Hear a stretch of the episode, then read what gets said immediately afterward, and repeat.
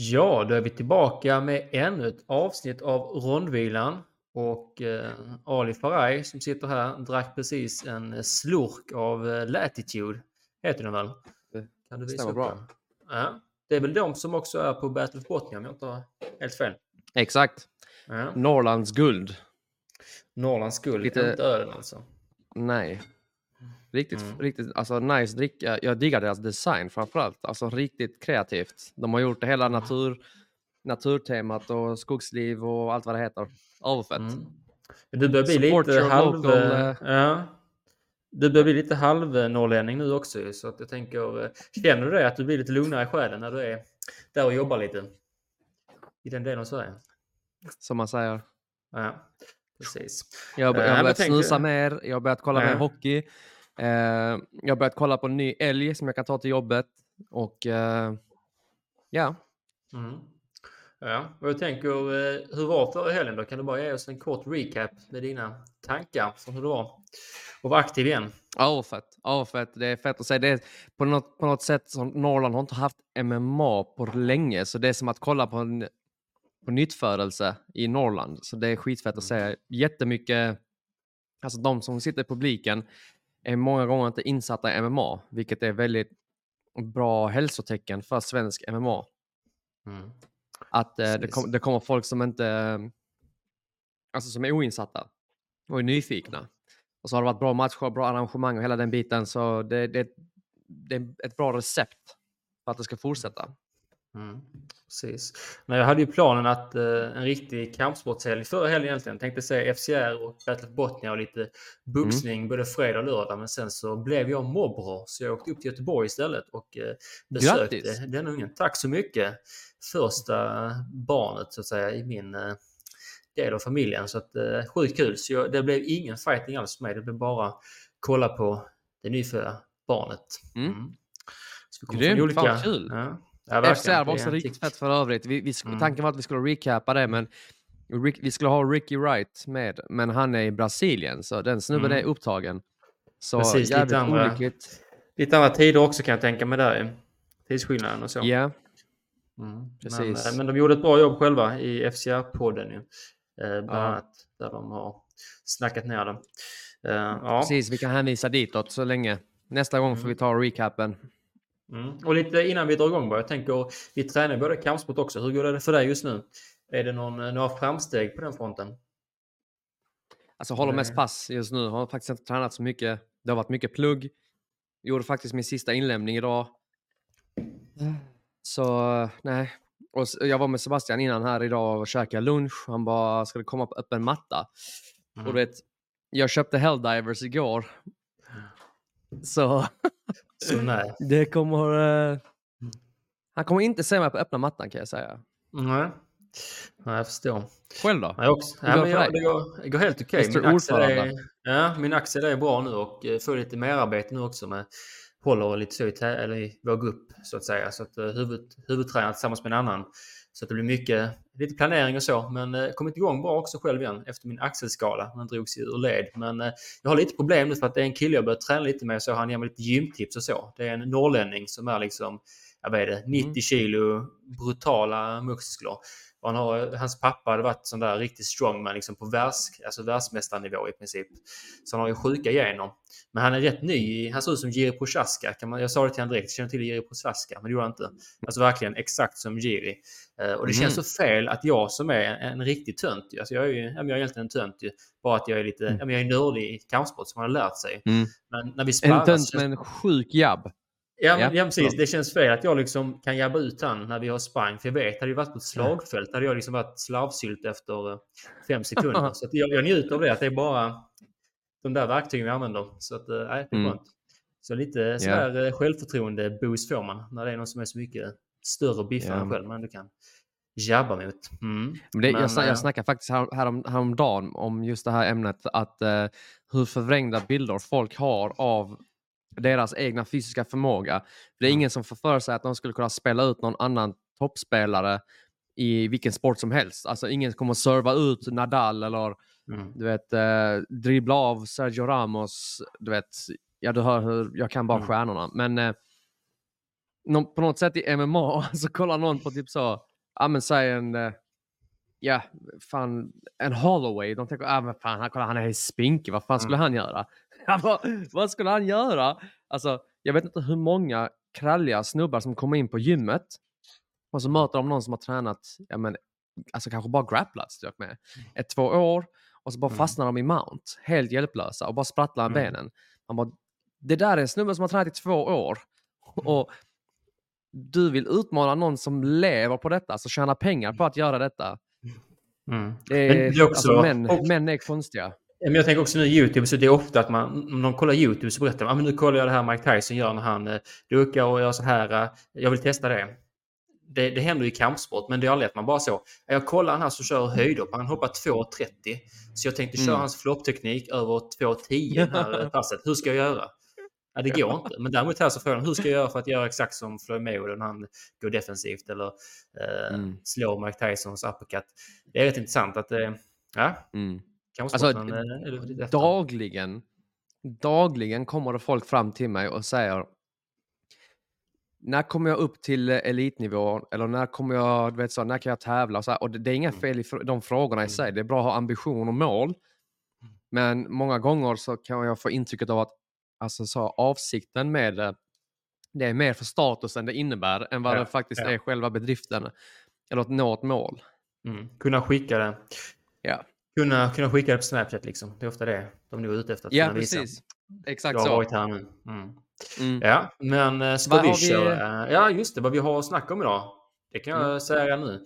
Bernardo Sopai har kommit in i UFC på kort notis och Sahil Sirai går för miljonen, ja, miljonen dollar till och med, eller om det är euro, Mm. i Octagon. Euro tror jag det är. Mm, euro i Octagons eh, turnering. Och sen har vi lite Mm. boxning också. Jake Paul som eh, går match utan att nästan någon vet om det, känns det som. Eh, Mm. Och eh, Canelo Alvarez har eh, brutit sitt kontrakt med PBC som var omtalat när det skrevs. Eh, Så det är lite annat kommer vi prata om idag. Och nu tycker jag att vi går till intro. Listen, stop feeling sorry for your Well, come on then. We are firemen! The heat doesn't bother us! Förstår du? Don't let him bully your son. You give me five minutes of hell. Last time you got too comfortable, you got stopped. We having fun? Having a blast, yeah. All right. You're looking good.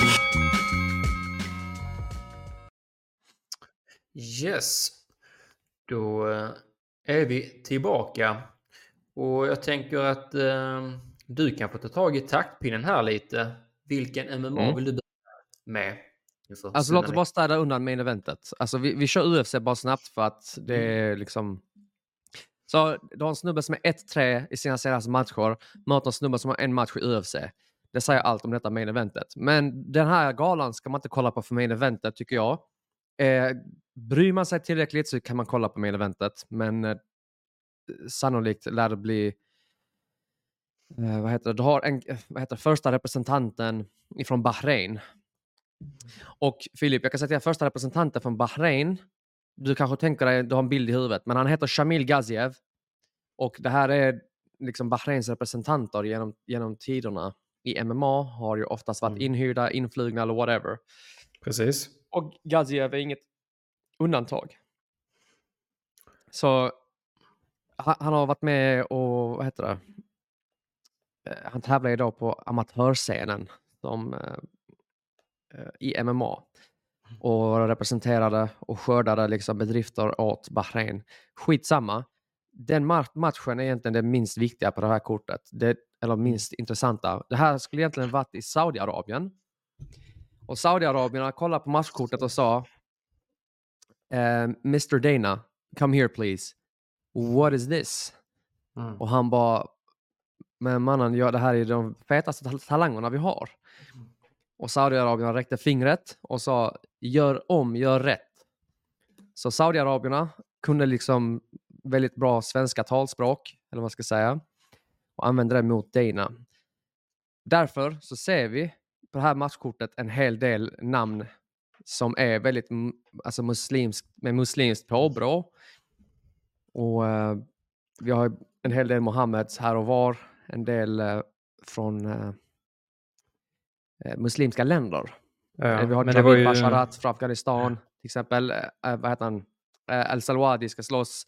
Razabov från Tadzjikistan.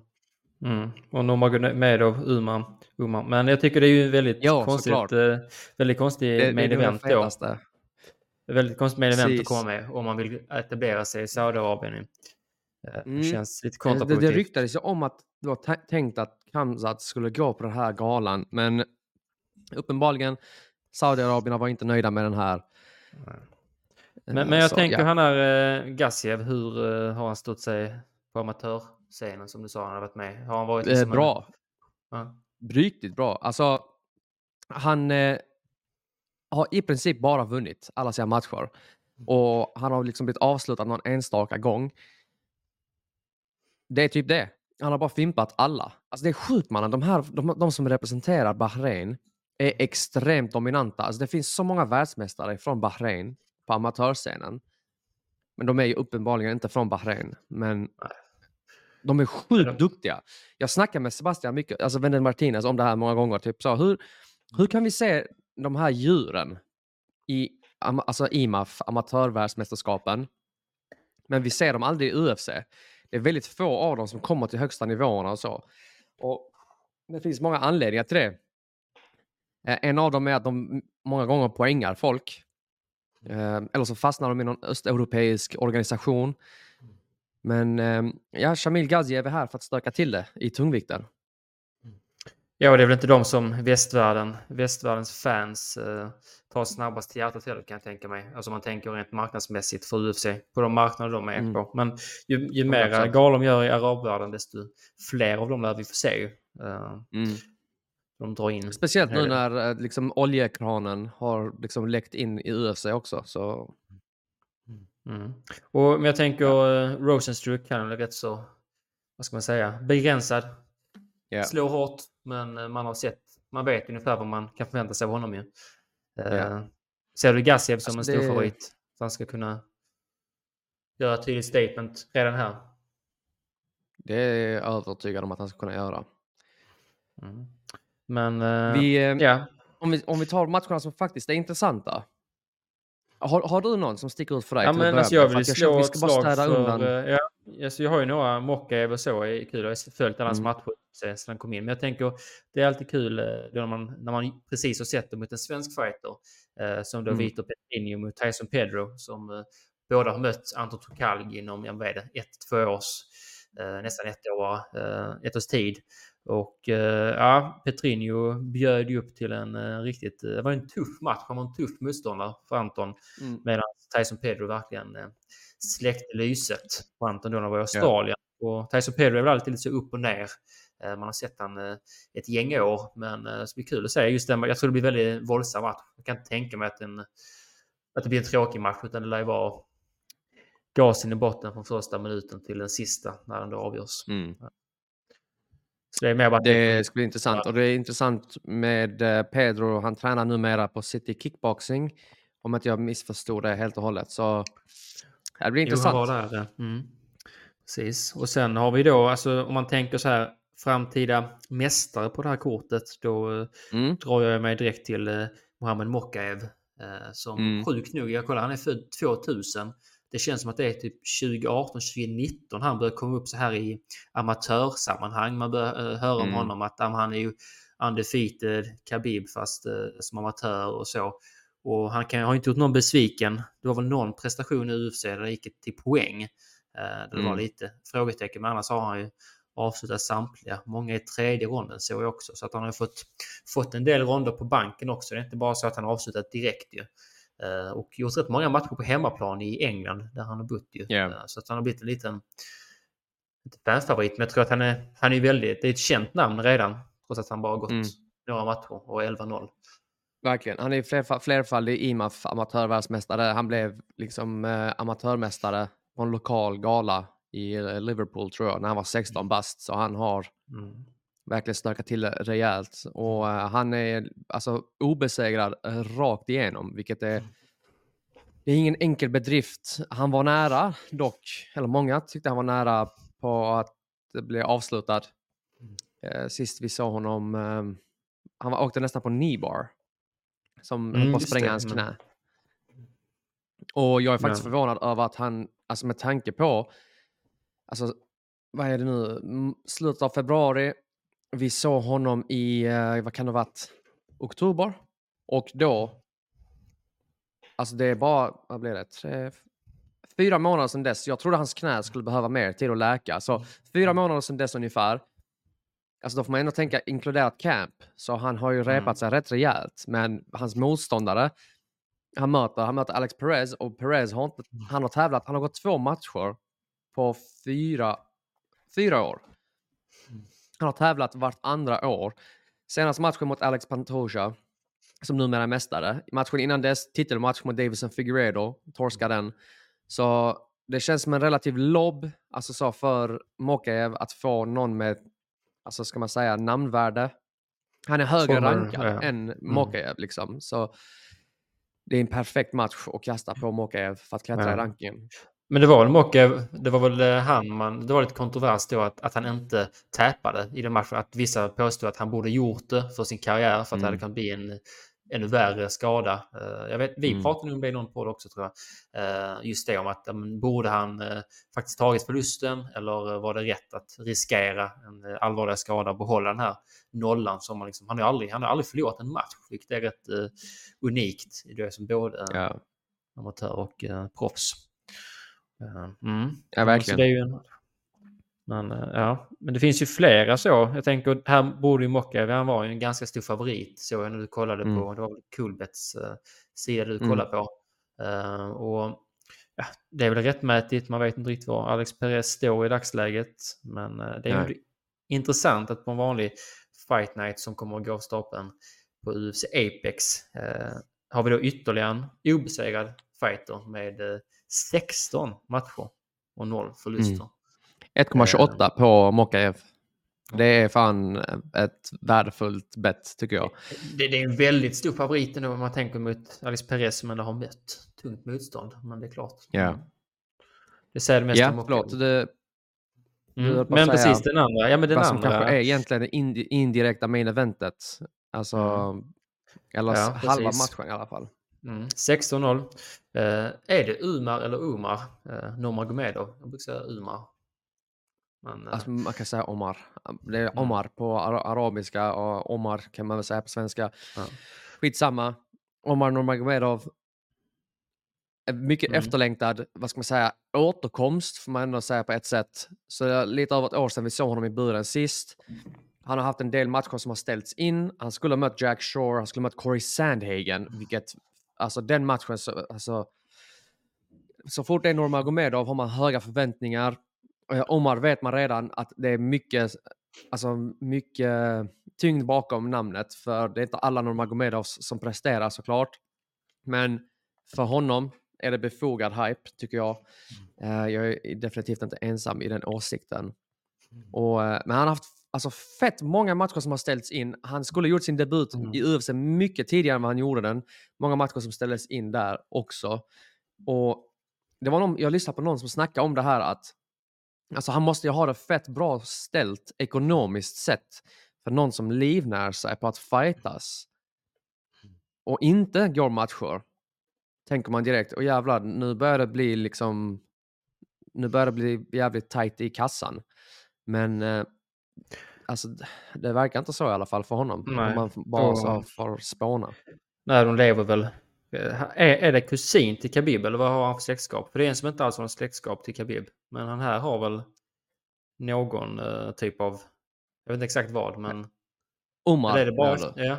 Är det, Jag är rätt säker på att det är brorsan. Jag tror det är kusinen brorsan. som är, kusinen är den, då, den, den dåliga. Ja, men den Ehm, andra. Eh, men, men jag tänker på han, han åker väl runt liksom på, rider väl på ja, men så, Islam Makachev-vågen, att han har med sig hela tiden så mycket folk så att de har väl någon typ av finansiell lösning och Khabib är nog inte sen med att chippa Mm. in lite pengar också. Men jag tänker, jag, jag är bara så himla trött på att eh, de vinner Förlåt, alltid. han är kusin. Han är kusin till Kusin, Khabib. han är kusin. Okej. ja. Ja. jag, jag, jag känner bara eh, när han pratar upp och så, men Islam Makachev, Nurmagomedov-bröderna och så, inte bröderna men släktingarna, Mm. De vinner ju, och i deras team, de vinner ju alltid. Alltså jag är så trött på att man, man, ser, man vet inte hur det ser ut när de förlorar.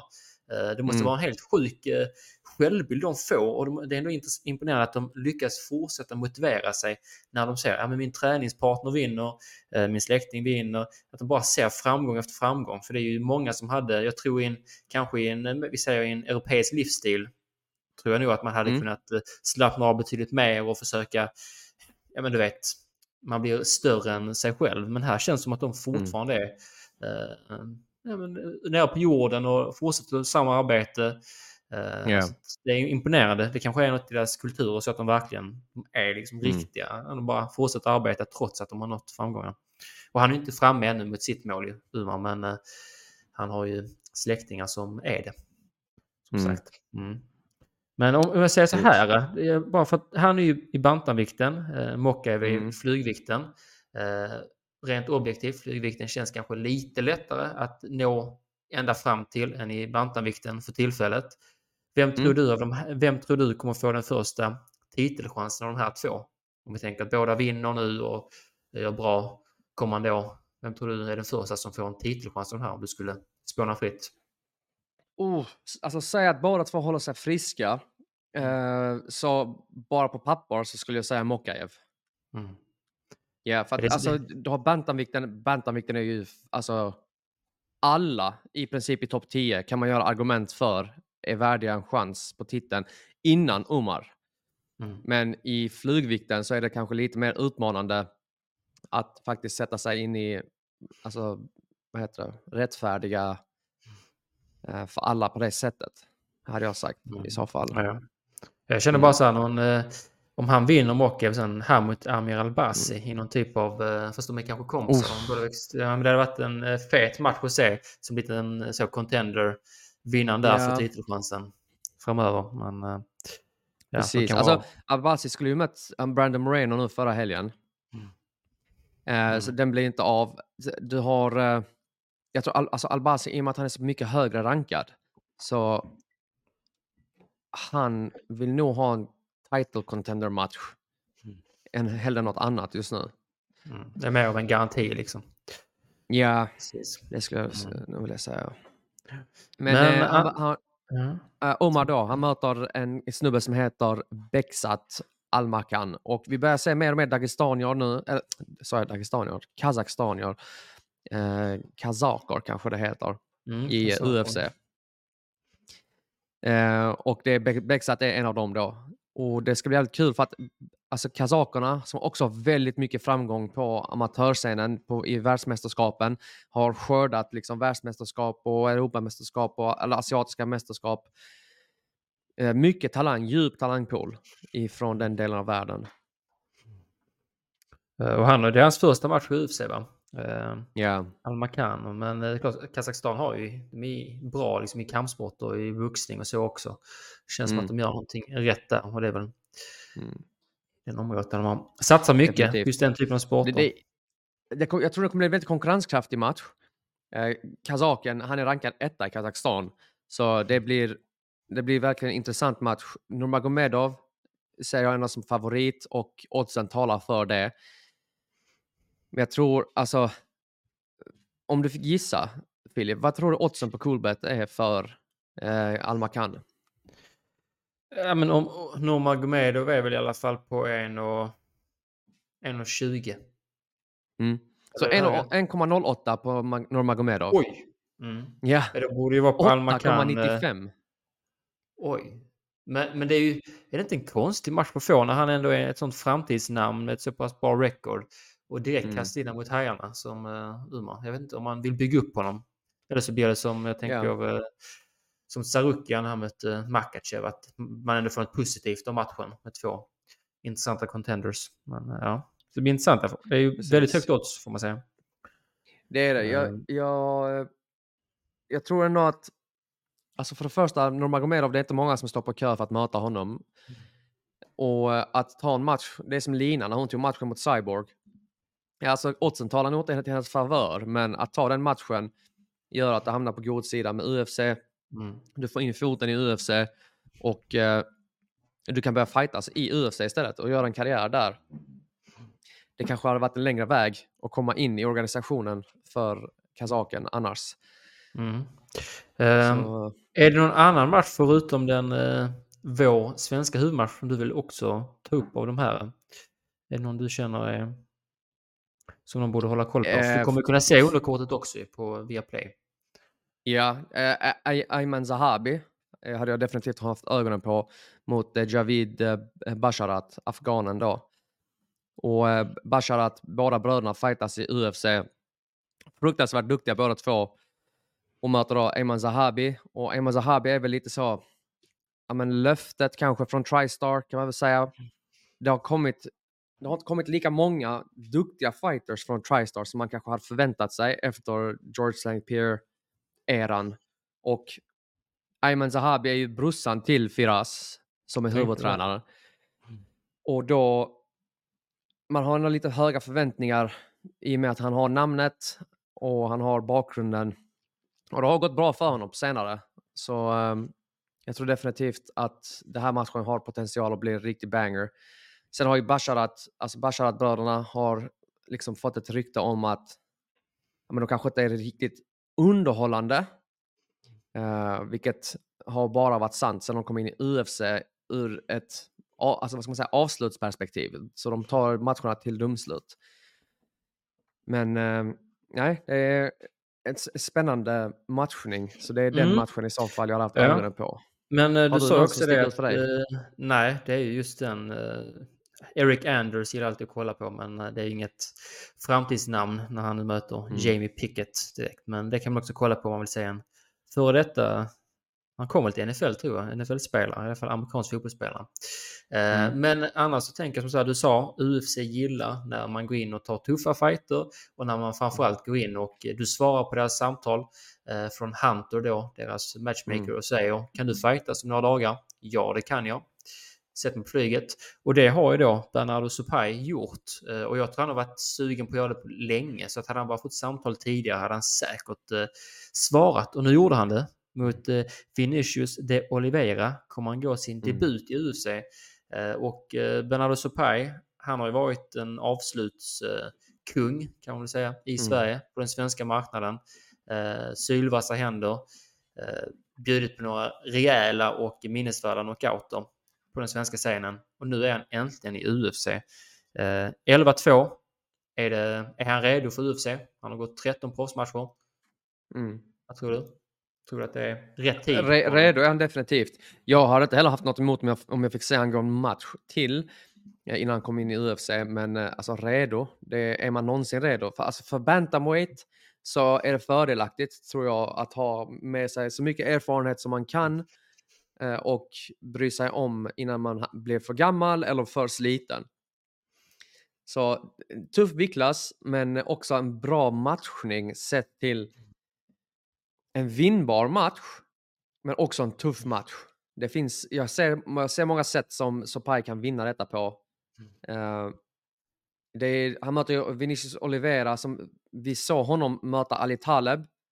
Eh, det var där Ali Taleb vann bältet i UAE Warriors och han, han avslutade eh, Oliveira. Och Ali Taleb hade gått fem proffsmatcher då. Mm. Men det är ju mer talande för Ali Talebs förmåga än hans erfarenhet. Så det vill säga, Bernardo Sopay har tävlat mer än Ali Taleb, också avslutat många människor, avslutat på väldigt imponerande sätt och, och har visat verkligen att han är någon att räkna med.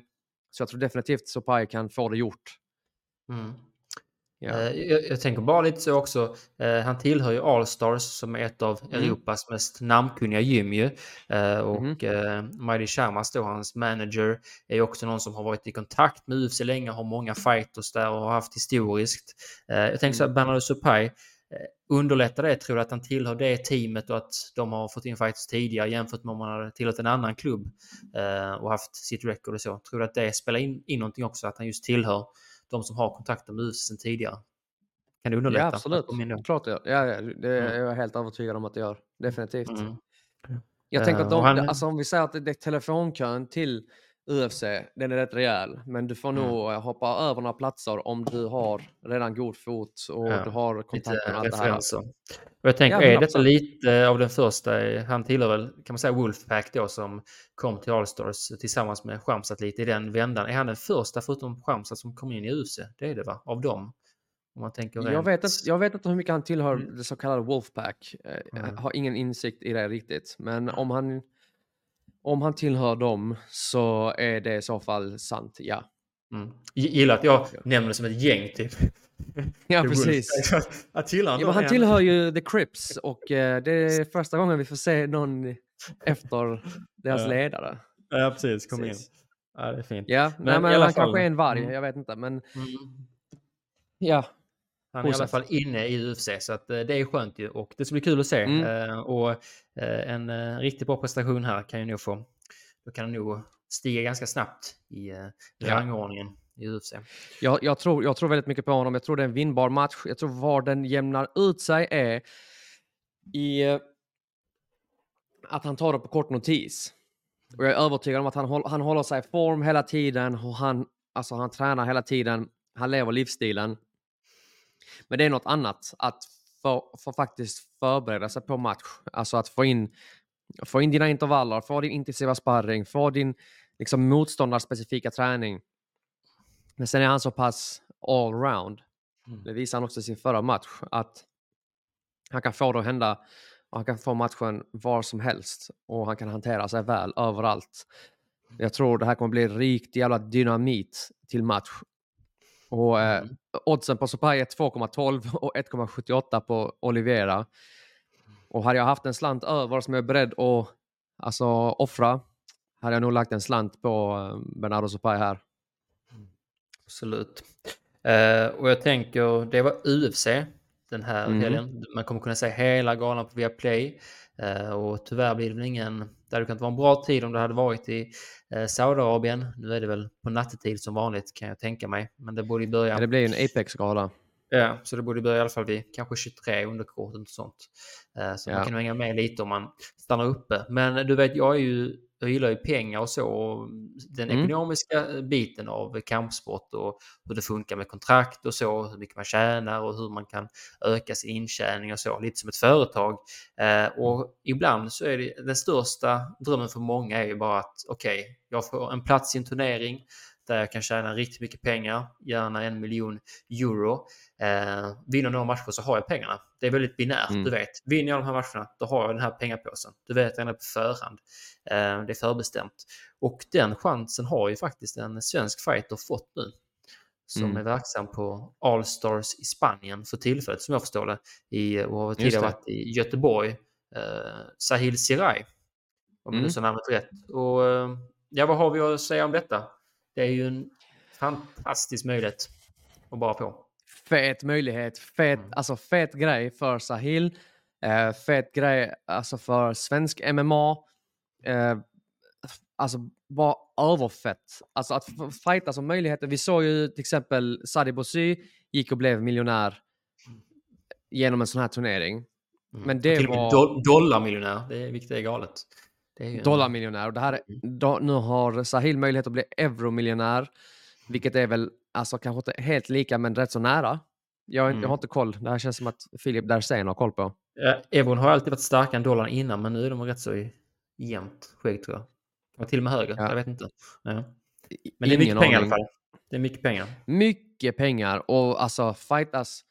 Det är det som är så fett med MMA just nu. Du kan tjäna dina pengar, du kan fightas, du kan faktiskt vara en så kallad prize fighter utanför UFC, vilket jag tycker är hälsosamt. Att den möjligheten finns för att UFC, det är mycket politik, de vill gärna ha stjärnmaterial och allt det här. Och missförstå mig inte, Sahil, 100% stjärnmaterial. Jag tror åldern, åldern för honom är inte på hans sida i det här fallet. Att han skulle komma till UFC och ta sig hela vägen upp. Eh, för det är så pass konkurrenskraftigt och du har mycket yngre begåvningar där. Men att få Jag den här möjligheten att fight... Eh, Ja. Hade det varit idag han vinner pengarna så är det 11,2 miljoner eh, som man får. Så att, eh, ja, Bruh. det är många Helvete PS5. alltså. Mm. Många Eh, PS5-or. Alltså ja. det är alla dina vänner får Helldivers, alltså gratis. Nu. Och, och, Och, det är väl en, headset och extra kontroller och allt. Ja, och det är väl åt, är det 8 eller 16? eh, Jag har inte, men det är väl, de bör gå in i en kvartsfinal eller åttondel. Men det är väl eh, inte många fler. Det är tre eller fyra matcher du måste vinna. För att ta. Jag ska se. Jag Det är åtta här. stycken, eh, så vad blir det? är åtta, ja, men då är det kvarten, så då är det tre matcher. Borde det vara. Som man då... eh, Totalt, ja. Men det är över, så det är över tid, det är inte samma kväll. Nej. Eh, det är feta, alltså det feta är också att du har, alltså på ett sätt är det konstigt, för du har vissa som kliver upp i vikt för att delta. Makwan Amerikani är med i turneringen. Han, Mm. han är fjärdeviktare, men han kliver upp och kör i lättvikt. Det ska bli intressant att se. Du var inne på det också vid tillfälle, att hans gastank höll inte för en lättare viktklass. Nu lägger han på en ryggsäck liksom och går in och fightas. Så det blir eh, intressant att se. Det är flera som går upp i vikt, alltså sett till hur de är rankade för att fightas här. Sen har du de som går, går ner i vikt också, vilket har sina utmaningar. Men minst sagt, spännande koncept, spännande att alltså turneringar är alltid kul, helst om det är på samma kväll, lite annorlunda med MMA, kanske inte lika möjligt, men eh, summa kardemumma, att få fightas om möjligheten att tjäna så här mycket pengar, extremt, extremt fett. Och Sahil har goda chanser och han kommer möta då en snubbe som är en riktig karaktär och han representerar England. Och denna snubben, han har liksom en gimmick av att han är någon Star Wars-karaktär. Och han kallar sig The Jedi, eller Jedi kallas han för. Och det är lite lustigt för att på... Eh, du, du berättade innan att du hade sett ett klipp med dem när de tjafsade. Kan Mm, du inte berätta om det? Precis. Filip? Jo, Vad hände det, var, det verkar ha varit på eh, eh, flygplatsen eller när de kom dit i alla fall. Så går ju Sahil fram och ska hälsa på honom, den motståndaren. Men eh, Mm. han började då direkt eh, kalla han för lite ja, svordomar åt honom helt enkelt. Jag vet inte vilket Mm. språk det var på, men de översatte sa pussy. det på... Ja, så jag vet, jag vet inte vad han pratar för språk. Eller han sa kanske det, så översattes det på tjeckiska eller så i min i Ja, nog. Eh, Men, men sen så går då Reza Madadi fram, eh, Mad Dog, Mm. går fram och eh, muckar lite där helt enkelt. Som är tränare Mm. då ju till Sahil. Eh, Men sen såg jag då att eh, det fortsatte in nu på, det måste varit invägningen eh, Ja. idag. När de, eh, Det var nyligen, han, gick fram med, ja, han gick fram med sin ljussabel då som jedis har. Ja. Jag tror han hade blå färg, eller inte grön, det var nog blåa färgen. Blå var det, som, ja. eh, mm, som många har ju av jedis. Och uh, med den Men om lite man ska och vara undingen så... Ja, då är röd du? Nej, men då är det röd ju om man ska vara ond. Men eh, så blå är väldigt... Det, är- det är lite mes. Alltså jag tyckte mer den där... Ja, men Qui-Gon Jinn och så hade ju eh, grön. Grön låg alltid närmst i hjärtat. Mm. Så blå var lite mer så basic. Och det har han. Så han hade kunnat haft det röda. Men då hade han fått heta Sith. Mm. eh, För de som gått uh, Star Wars. Men han, han gick runt och fäktade där och, och väldigt... Jag gillar honom, jag karaktär, men ganska respektlös får man säga. Och, men Sirai verkar lugn och eh, composed och så. Så att jag tror att han kan nog dra nytta av detta om man håller sig lugn Mm. även i buren. Eh, så att, eh, men den säljs in, det gillas jag i alla fall. Så det blir det är bra för match stort. Sen såg jag här att Ja, de, är, de, är Det- lite fler, lust- de är lite fler tror jag än åtta, vad jag kunde säga. De är nog lite fler i turneringen. Så det är nog upplagt Är de det? något annat. Ja, Ja, det är åtta som 20 namn. fightas imorgon, eller Ja. sju till och med kanske, som, sju Ja. matcher imorgon av turnering. Men mannen, det roliga är på invägningen, så de, de ska, han ska komma upp i hans face och sånt, du vet. Mm. Och så håller han sin, eh, sin lightsaber då. Och så ska han putta på honom och den gör ljud och sånt. Så det låter bara zim, zim, när de puttar på varandra. Alltså, det var... Det är ändå... Jag vet inte, hade du när du var yngre, hade du en sån? Jag hade ju en sån där, jag hade en grön och en blå tror jag. Men de var ju bara, man liksom slog ut dem och så var det en lampa i dem. Det var ju inte riktigt Ja. samma funktion. Jag hade velat köpa någon eh, lite dyrare variant nu. Hade varit, eh, Det hade varit riktigt fett. Alltså, det är ju en riktig antikvinnomagnet. Alltså så, Mm. men eh, fy fan vad fett. Det, vad heter det? Jag hade inte det. Det hade jag inte. Jag hade polare som hade, och då var ju de här plastiga som du sa då, som hade ett ljus i dem. Skitfett. Mm. Men den här var, är ju någon avancerad gre- grej. Och eh, ja, det blåa, det är väl, jag var tvungen att googla det, det är Obi-Wans. Obi-Wans är väl... eh, Mm, han har blå i en av... Sen tror jag han byter. Eller han, han hade kanske annan- någon som... Men han har blå i alla fall. Just det, Anakin Mm. byter sen också. Eh, till blå får han också. Han har grön Ja, i tvåan. s- vet jag. Ja, Ehm, sen så blir den röd. Spoiler alert. Mm. Fan också. Men, eh, nej, men där, just det, det är ju ingen, det är en antibrudmagnet. Men min eh, lägenhet, den är väldigt sådär eh, aktiv. Du vet, när man kommer in i min lägenhet, så det första man ser är Tyson Fury liggandes på marken med sin kraftiga kroppshydda. Och sen går man till höger och ser man Manny Pacquiao när han knockar Ricky Hatton. Och sen ser man Björn? Borg. Ja, ja, går man till vänster ser man Björn Borg. Sen ser man en tavla på en gammal fotbollsspelare. Eh, Nordahl, Gunnar Nordahl och så. Så det är inte... Jag Alltså, snabbare det efter det. Det är Mm. riktig eh, man cave. Jag diggar det. Det Mm. låter riktigt fett. Men du, Eh, alltså, men- du, du är en riktig ungkarl och du är en riktig sportnörd. Jag menar, Ja, du har intressen. Så jag hade nog inte... Dock, jag tror om du lägger upp en, en sån... Alltså om du lägger upp en lightsaber på din vägg, då är det kört, Filip. Det är Det alltså legit kört. nivå, eventuellt. Ja, om inte du kan Ja. typ säga så här, ja fast det här är till oss. Det här lightsabern är till Mm, oss. Precis. Ja. Jag, jag gick Yes, ett krig. Mm. Ja, ja, men jättebra. Eh, men om vi tänker matchen då, vad tror du? Mm. Eh, jag har inte så bra koll på... Eh, jag, har sett Serie A lite, men inte så mycket. Men kan du ge oss någon Ja. expertis på vad kan vi förvänta Ja, oss? killen- Har vi någon... Han knockar alla, alla sina motståndare. Alltså, han har någon submission-vinst här och var, men detsamma är sant för hans motståndare. Så hans, alltså, jag butchrar hans namn, men Ako- Akone Wanlis heter han. Så vi kallar han Jedi. Så Jedi Mm. har också avslutat alla sina motståndare mer eller mindre och eh, blandat resultat där med eh, knockouter och submissions. Så två avslutare. Det, det, det kommer nog inte gå tiden ut i alla fall. Och det är jag väldigt jag är övertygad om. Säker kan man inte vara, men övertygad om att det här kommer inte gå, gå till... Jag hoppas bara inte att Sahil, han verkar riktigt trevlig och sansad, riktig demon i buren. Jag hoppas inte det här går honom åt huvudet, alltså stiger han åt huvudet, liksom att han kommer in i hans huvud med all den här, alltså det här beteendet. Det skulle vara riktigt Jedi- tillfredsställande. Jedi mind trick. Det är svårt att motstå. Oh! Exakt. Ja. Ja. Men nej, men det blir kul att se. Eh, vet vi var vi kan eh, se den? Octagon, är det DAZN? De har, jag vet, de har varit det. D-A-Z-N. Mm. Rätt så billig streamingtjänst i Sverige än så länge får man säga. Mm, Eh, det är rätt så mm. fördelaktigt. Ja, kul. Eh, ja, men där är ju två svenskar som är i elden nu i Mm. helgen, ganska snart. Eh, jag har också lite boxning här, som nummer tre skrev jag bara boxning. För att det var väldigt upphypat när den här personen gick sina boxningsmatcher tidigare, har varit Mm. det. Väldigt, väldigt upphypat. Nu har Jake Paul, eh, the problem child, lite gått tillbaka. Eh, han utmanar inte längre de kändaste personerna. Han går inte längre matcher mot MMA-legendarer som det var tidigare. Eh, utan nu eh, känns det som att han går tillbaka lite och vill bygga upp sitt record. Jag tror att han nu vill bygga upp sitt record så det är kanske, ja men du vet, närma sig 20-0 åtminstone för då kan man ju, till och med en vanlig boxare kan då få börja prata om en titel och med hans namn tror jag att han kommer få gå något, någon VM-titel. Absolut. Eh, De kommer hitta någon VM-titel mot någon lite enklare motståndare så han kan ha en chans. Det tror jag är hans mål nu. För nu går Mm. han ju eh, ytterligare mot en, eh, det är en vanlig journeyman som har inte boxats en gång på de senaste sex åren som heter Ryan Mm. Burland. Och för att veta att detta inte är det är inte någon match han försöker sälja in direkt Jake Paul för denna kommer ju gå i San Juan eh, där han tränar och så. Eh, och Ryan Puerto Burland, Rico? han, yes, Puerto Rico där han tränar och verkar och Burland har 17-2 i record.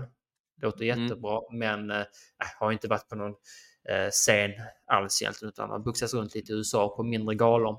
Så att och med tanke på oddsen så Jake Paul var en, ja, jag tror det var plus eller minus 3000 eh, på vissa Mm. ställen i USA. Så det innebär sätter du 3000 dollar på honom vinner du 100 dollar. Så att han är en jättefavorit och lär vinna här också. Eh, åtta ronder lång i matchen och jag tror att han bjuder på ytterligare en knockout. Mm. eh, För att bygga upp sitt resumé. Men har det inte varit väldigt tyst om den här matchen? Eller vad säger du? Om man jämför med tidigare. Alltså, jag, jag, jag visste att den här matchen sk- skulle hända, Mm. men eh, jag satt och tänkte, jag satt innan på lunchen då med Sebbe och så sa, så sa han att eh, det är Jake Paul i helgen också. Jag sa att vi skulle snacka om eh, helgens eh, svenskar Mm. som fightas. Och jag bara, fan just det, det är nog i helgen också. Mm. Ehm, det har varit väldigt tyst om den här matchen, med andra ord. Ja, och han är Eh, inte Annars huvud, brukar det vara värsta ståhejet. Ja, han är inte huvudmatch eller så, utan det är ju en av Serrano-systrarna som är det. Amanda Serrano är det väl som uh, boxas i helgen, ja. Om ett VM, en VM-titel. Vem var det sa du? Amanda Serrano är det som går Mm. huvudmatch. Jag tror hon fick huvudmatchen. Hon, jo, Amanda Serrano som möter då Nina Menke från Tyskland som har mött en eh, dansk fighter tidigare. Att det, han ville bygga upp eh, Serrano, Amanda Serrano Mm. mycket också. Det har hon gjort ju. Hon, har ju. hon är en av damboxningens största profiler. minst sagt. Så att han går bara liksom i en vanlig, en av matcherna där under. Eh, så det är Mm. ändå stort och han tycker att han ändå, han visar ändå eh, med sin promotion att han vill lyfta upp kvinnliga fighters på ett sätt som många andra inte har gjort historiskt. Så att eh, mm, man kan kritisera honom för mycket, men där har han i alla fall varit, eh, eh, ja, hållit sin ståndpunkt. Minst sagt. Mm. Men som sagt, Jake Paul kommer att bjuda på ytterligare en knockout i helgen. eh, Av allt att döma. Eh, Och eh, ja, han, jag vill bara säga möta en riktig boxare. Vill, och man kan säga det, ja, men det här är en riktig boxare. Jo, men det finns, som du vet, boxning är, proffsboxning är så himla bred så att Mm. det han här eh, Berland hade ju inte kunnat gå in och vinna ett SM liksom. Inte, det finns inte på kartan, han är inte i närheten. På riktigt? Nej, nej, aldrig i livet. Inte på kartan. Ja. Det, det är just det vissa tänker så, om han är proffs och så. Jo, men det spelar ingen roll för att när du är proffs då kan du välja dina motståndare på ett helt annat sätt. Mm. Ehm, Så, så är det MMA också mer eller mindre. Alltså, Mm. Nej, men lite så ju. Att uh, åker du på ett riktigt mästerskap i MMA eller boxning, då möter du de bästa. Det är en helt annan Mm. nivå. Eh, så nej, det Jake Paul bjuder på ytterligare en knockout. Uh, sen har jag en sak till. Jag tänker, jag läste en bra krönika som handlar om Canelo Alvarez på The Boxing News, den tidskriften. Som handlade om att alltid när Canelo gör olika beslut i karriären så pratar man ju mycket om att han, han, är inte en, han blir ingen riktig legendar. Han, han, eh, han är lite rädd för den här motståndaren och den här motståndaren. Och jag undrar lite Mhm. hur, hur lång tid man kan föra det narrativet. För att Canelo blev proffs när han var 15 år. Och sen dess, ja, som du vet, han har mött allt och alla i de viktklasser. Han har gått upp, han har gått ner, eh, han har pendlat en hel del i vikt eh, och bjudit på alltid två matcher, liksom Cinco de Mayo och den andra högtiden. Så brukar han ha två matcher, två riktigt stora matcher varje år. Brukar han bjuda på. mm. Eh, Och nu har han då faktiskt valt att lämna PBC. Eh, Som han ett tag sa nu att oh shit, de börjar signa upp alla bra boxare. För de har ju Benavides signad som alla vill se Canelo möta. Och sen trodde Mm. man nu att eh, eh, Crawford kanske skulle gå upp och möta Canelo. Att de skulle mötas på halvvägs i vikten. Men eh, nu blir inte Mm. det av utan Canelo kommer nog gå tillbaka till Matchroom som Eddie Hearn äger. Och då är det att han kommer att fightas på DAZN igen.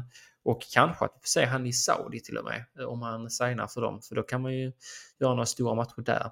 Eh, Så att, Mm. eh, jag vet inte. Men vad tycker du om det, det när man pratar om att han inte gör tillräckligt Canelo eh, och bygger upp sitt legacy?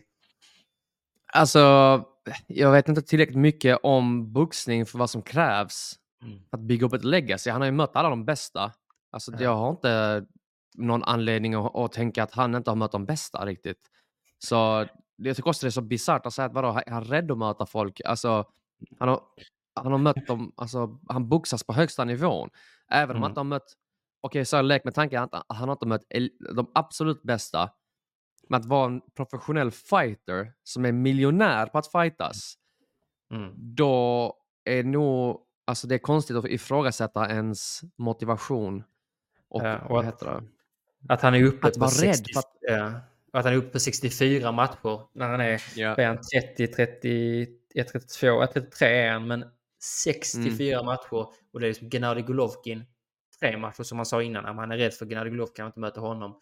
Gör tre Mm. matcher, även om den sista är mot en Golovkin som har blivit ålderstigen. Att han mött Floyd Mm. Mayweather. Han har ju, och det var så tidigt i sin karriär också, så jag tycker att det är motsatsen. Sen kan jag fatta att man tycker att han är eh, liksom en av de absolut bästa rent tekniskt och så, för att han vinner mycket på sin...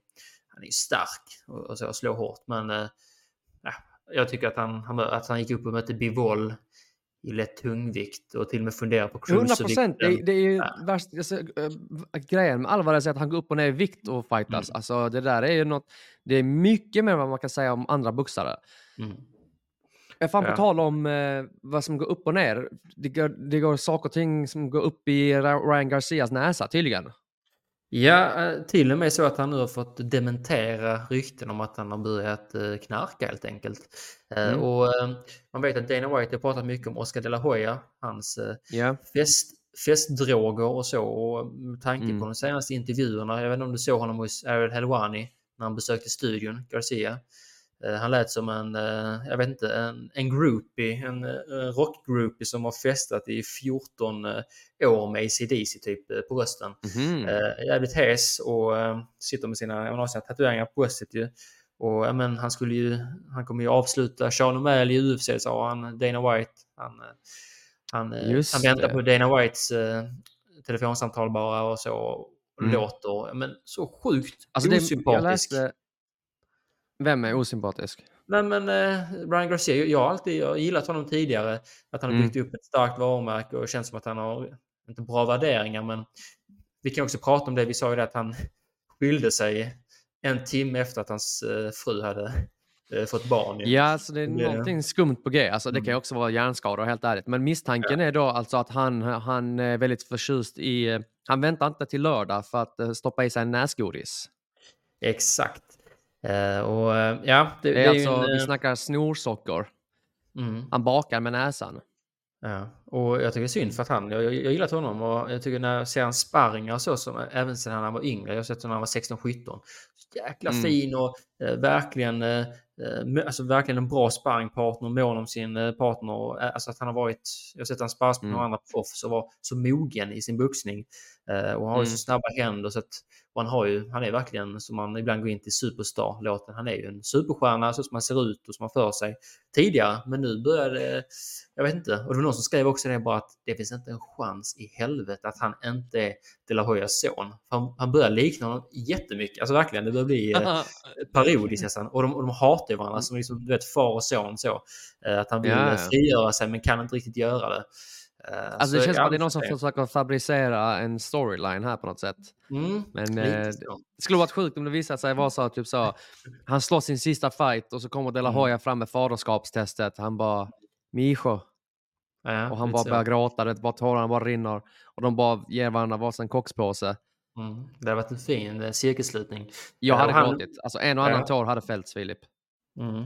Och vi får ju se mot Devin Haney nu eh, om några veckor. Mm. Så det, de är, det är också det de håller på att börja sälja in den matchen. Och, eh, de har ju mötts många gånger tidigare, sparats tillsammans. Men eh, nu är det ganska mycket ont blod mellan de båda. Men det är klart, de vill ju, de vill ju sälja en bra match för att eh, Ryan Garcia kan ju eventuellt pensionera sig efter den här matchen och ha en Mm. ekonomi som eh, skulle kunna hålla för det. Då har han gått två riktigt stora matcher i så fall. Men eh, jag såg, jag såg också att han nu eh, skickat ut och, läckt en video från när Devin Haney får duktigt med spö av Gervonta Davis. När Devin Haney var Mm. lite yngre eh, på en sån eh, sparring, sparringronder på, jag tror det var Mayweathers gym. Där verkligen Mm. Gervonta Davis äh, ger en storstryk i det klippet. Så att det börjar byggas upp lite intresse kring det också. Men jag såg också, han la upp en Instagram-post sen där han gick emot hela världen, Ryan Garcia, för att hans nya tjej som är någon Onlyfans influencer-tjej, han bara Mm. don't, don't fuck with her och jag liksom, eh, hon kan möta vem som helst i Misfits boxing, det är bara att utmana henne, we're gonna, we're gonna fuck the world typ. Och, Mm. och hon, bara, hon bara thank you baby, I love you. Och så var det någon bild på henne typ nästan topless. Uh, hon bara, Mm. ja, han är, det är där han är just nu. Han är inte i småbarns, uh, uh, vad ska man säga, bubblan direkt med sitt nya bebis. Han är på andra ställen.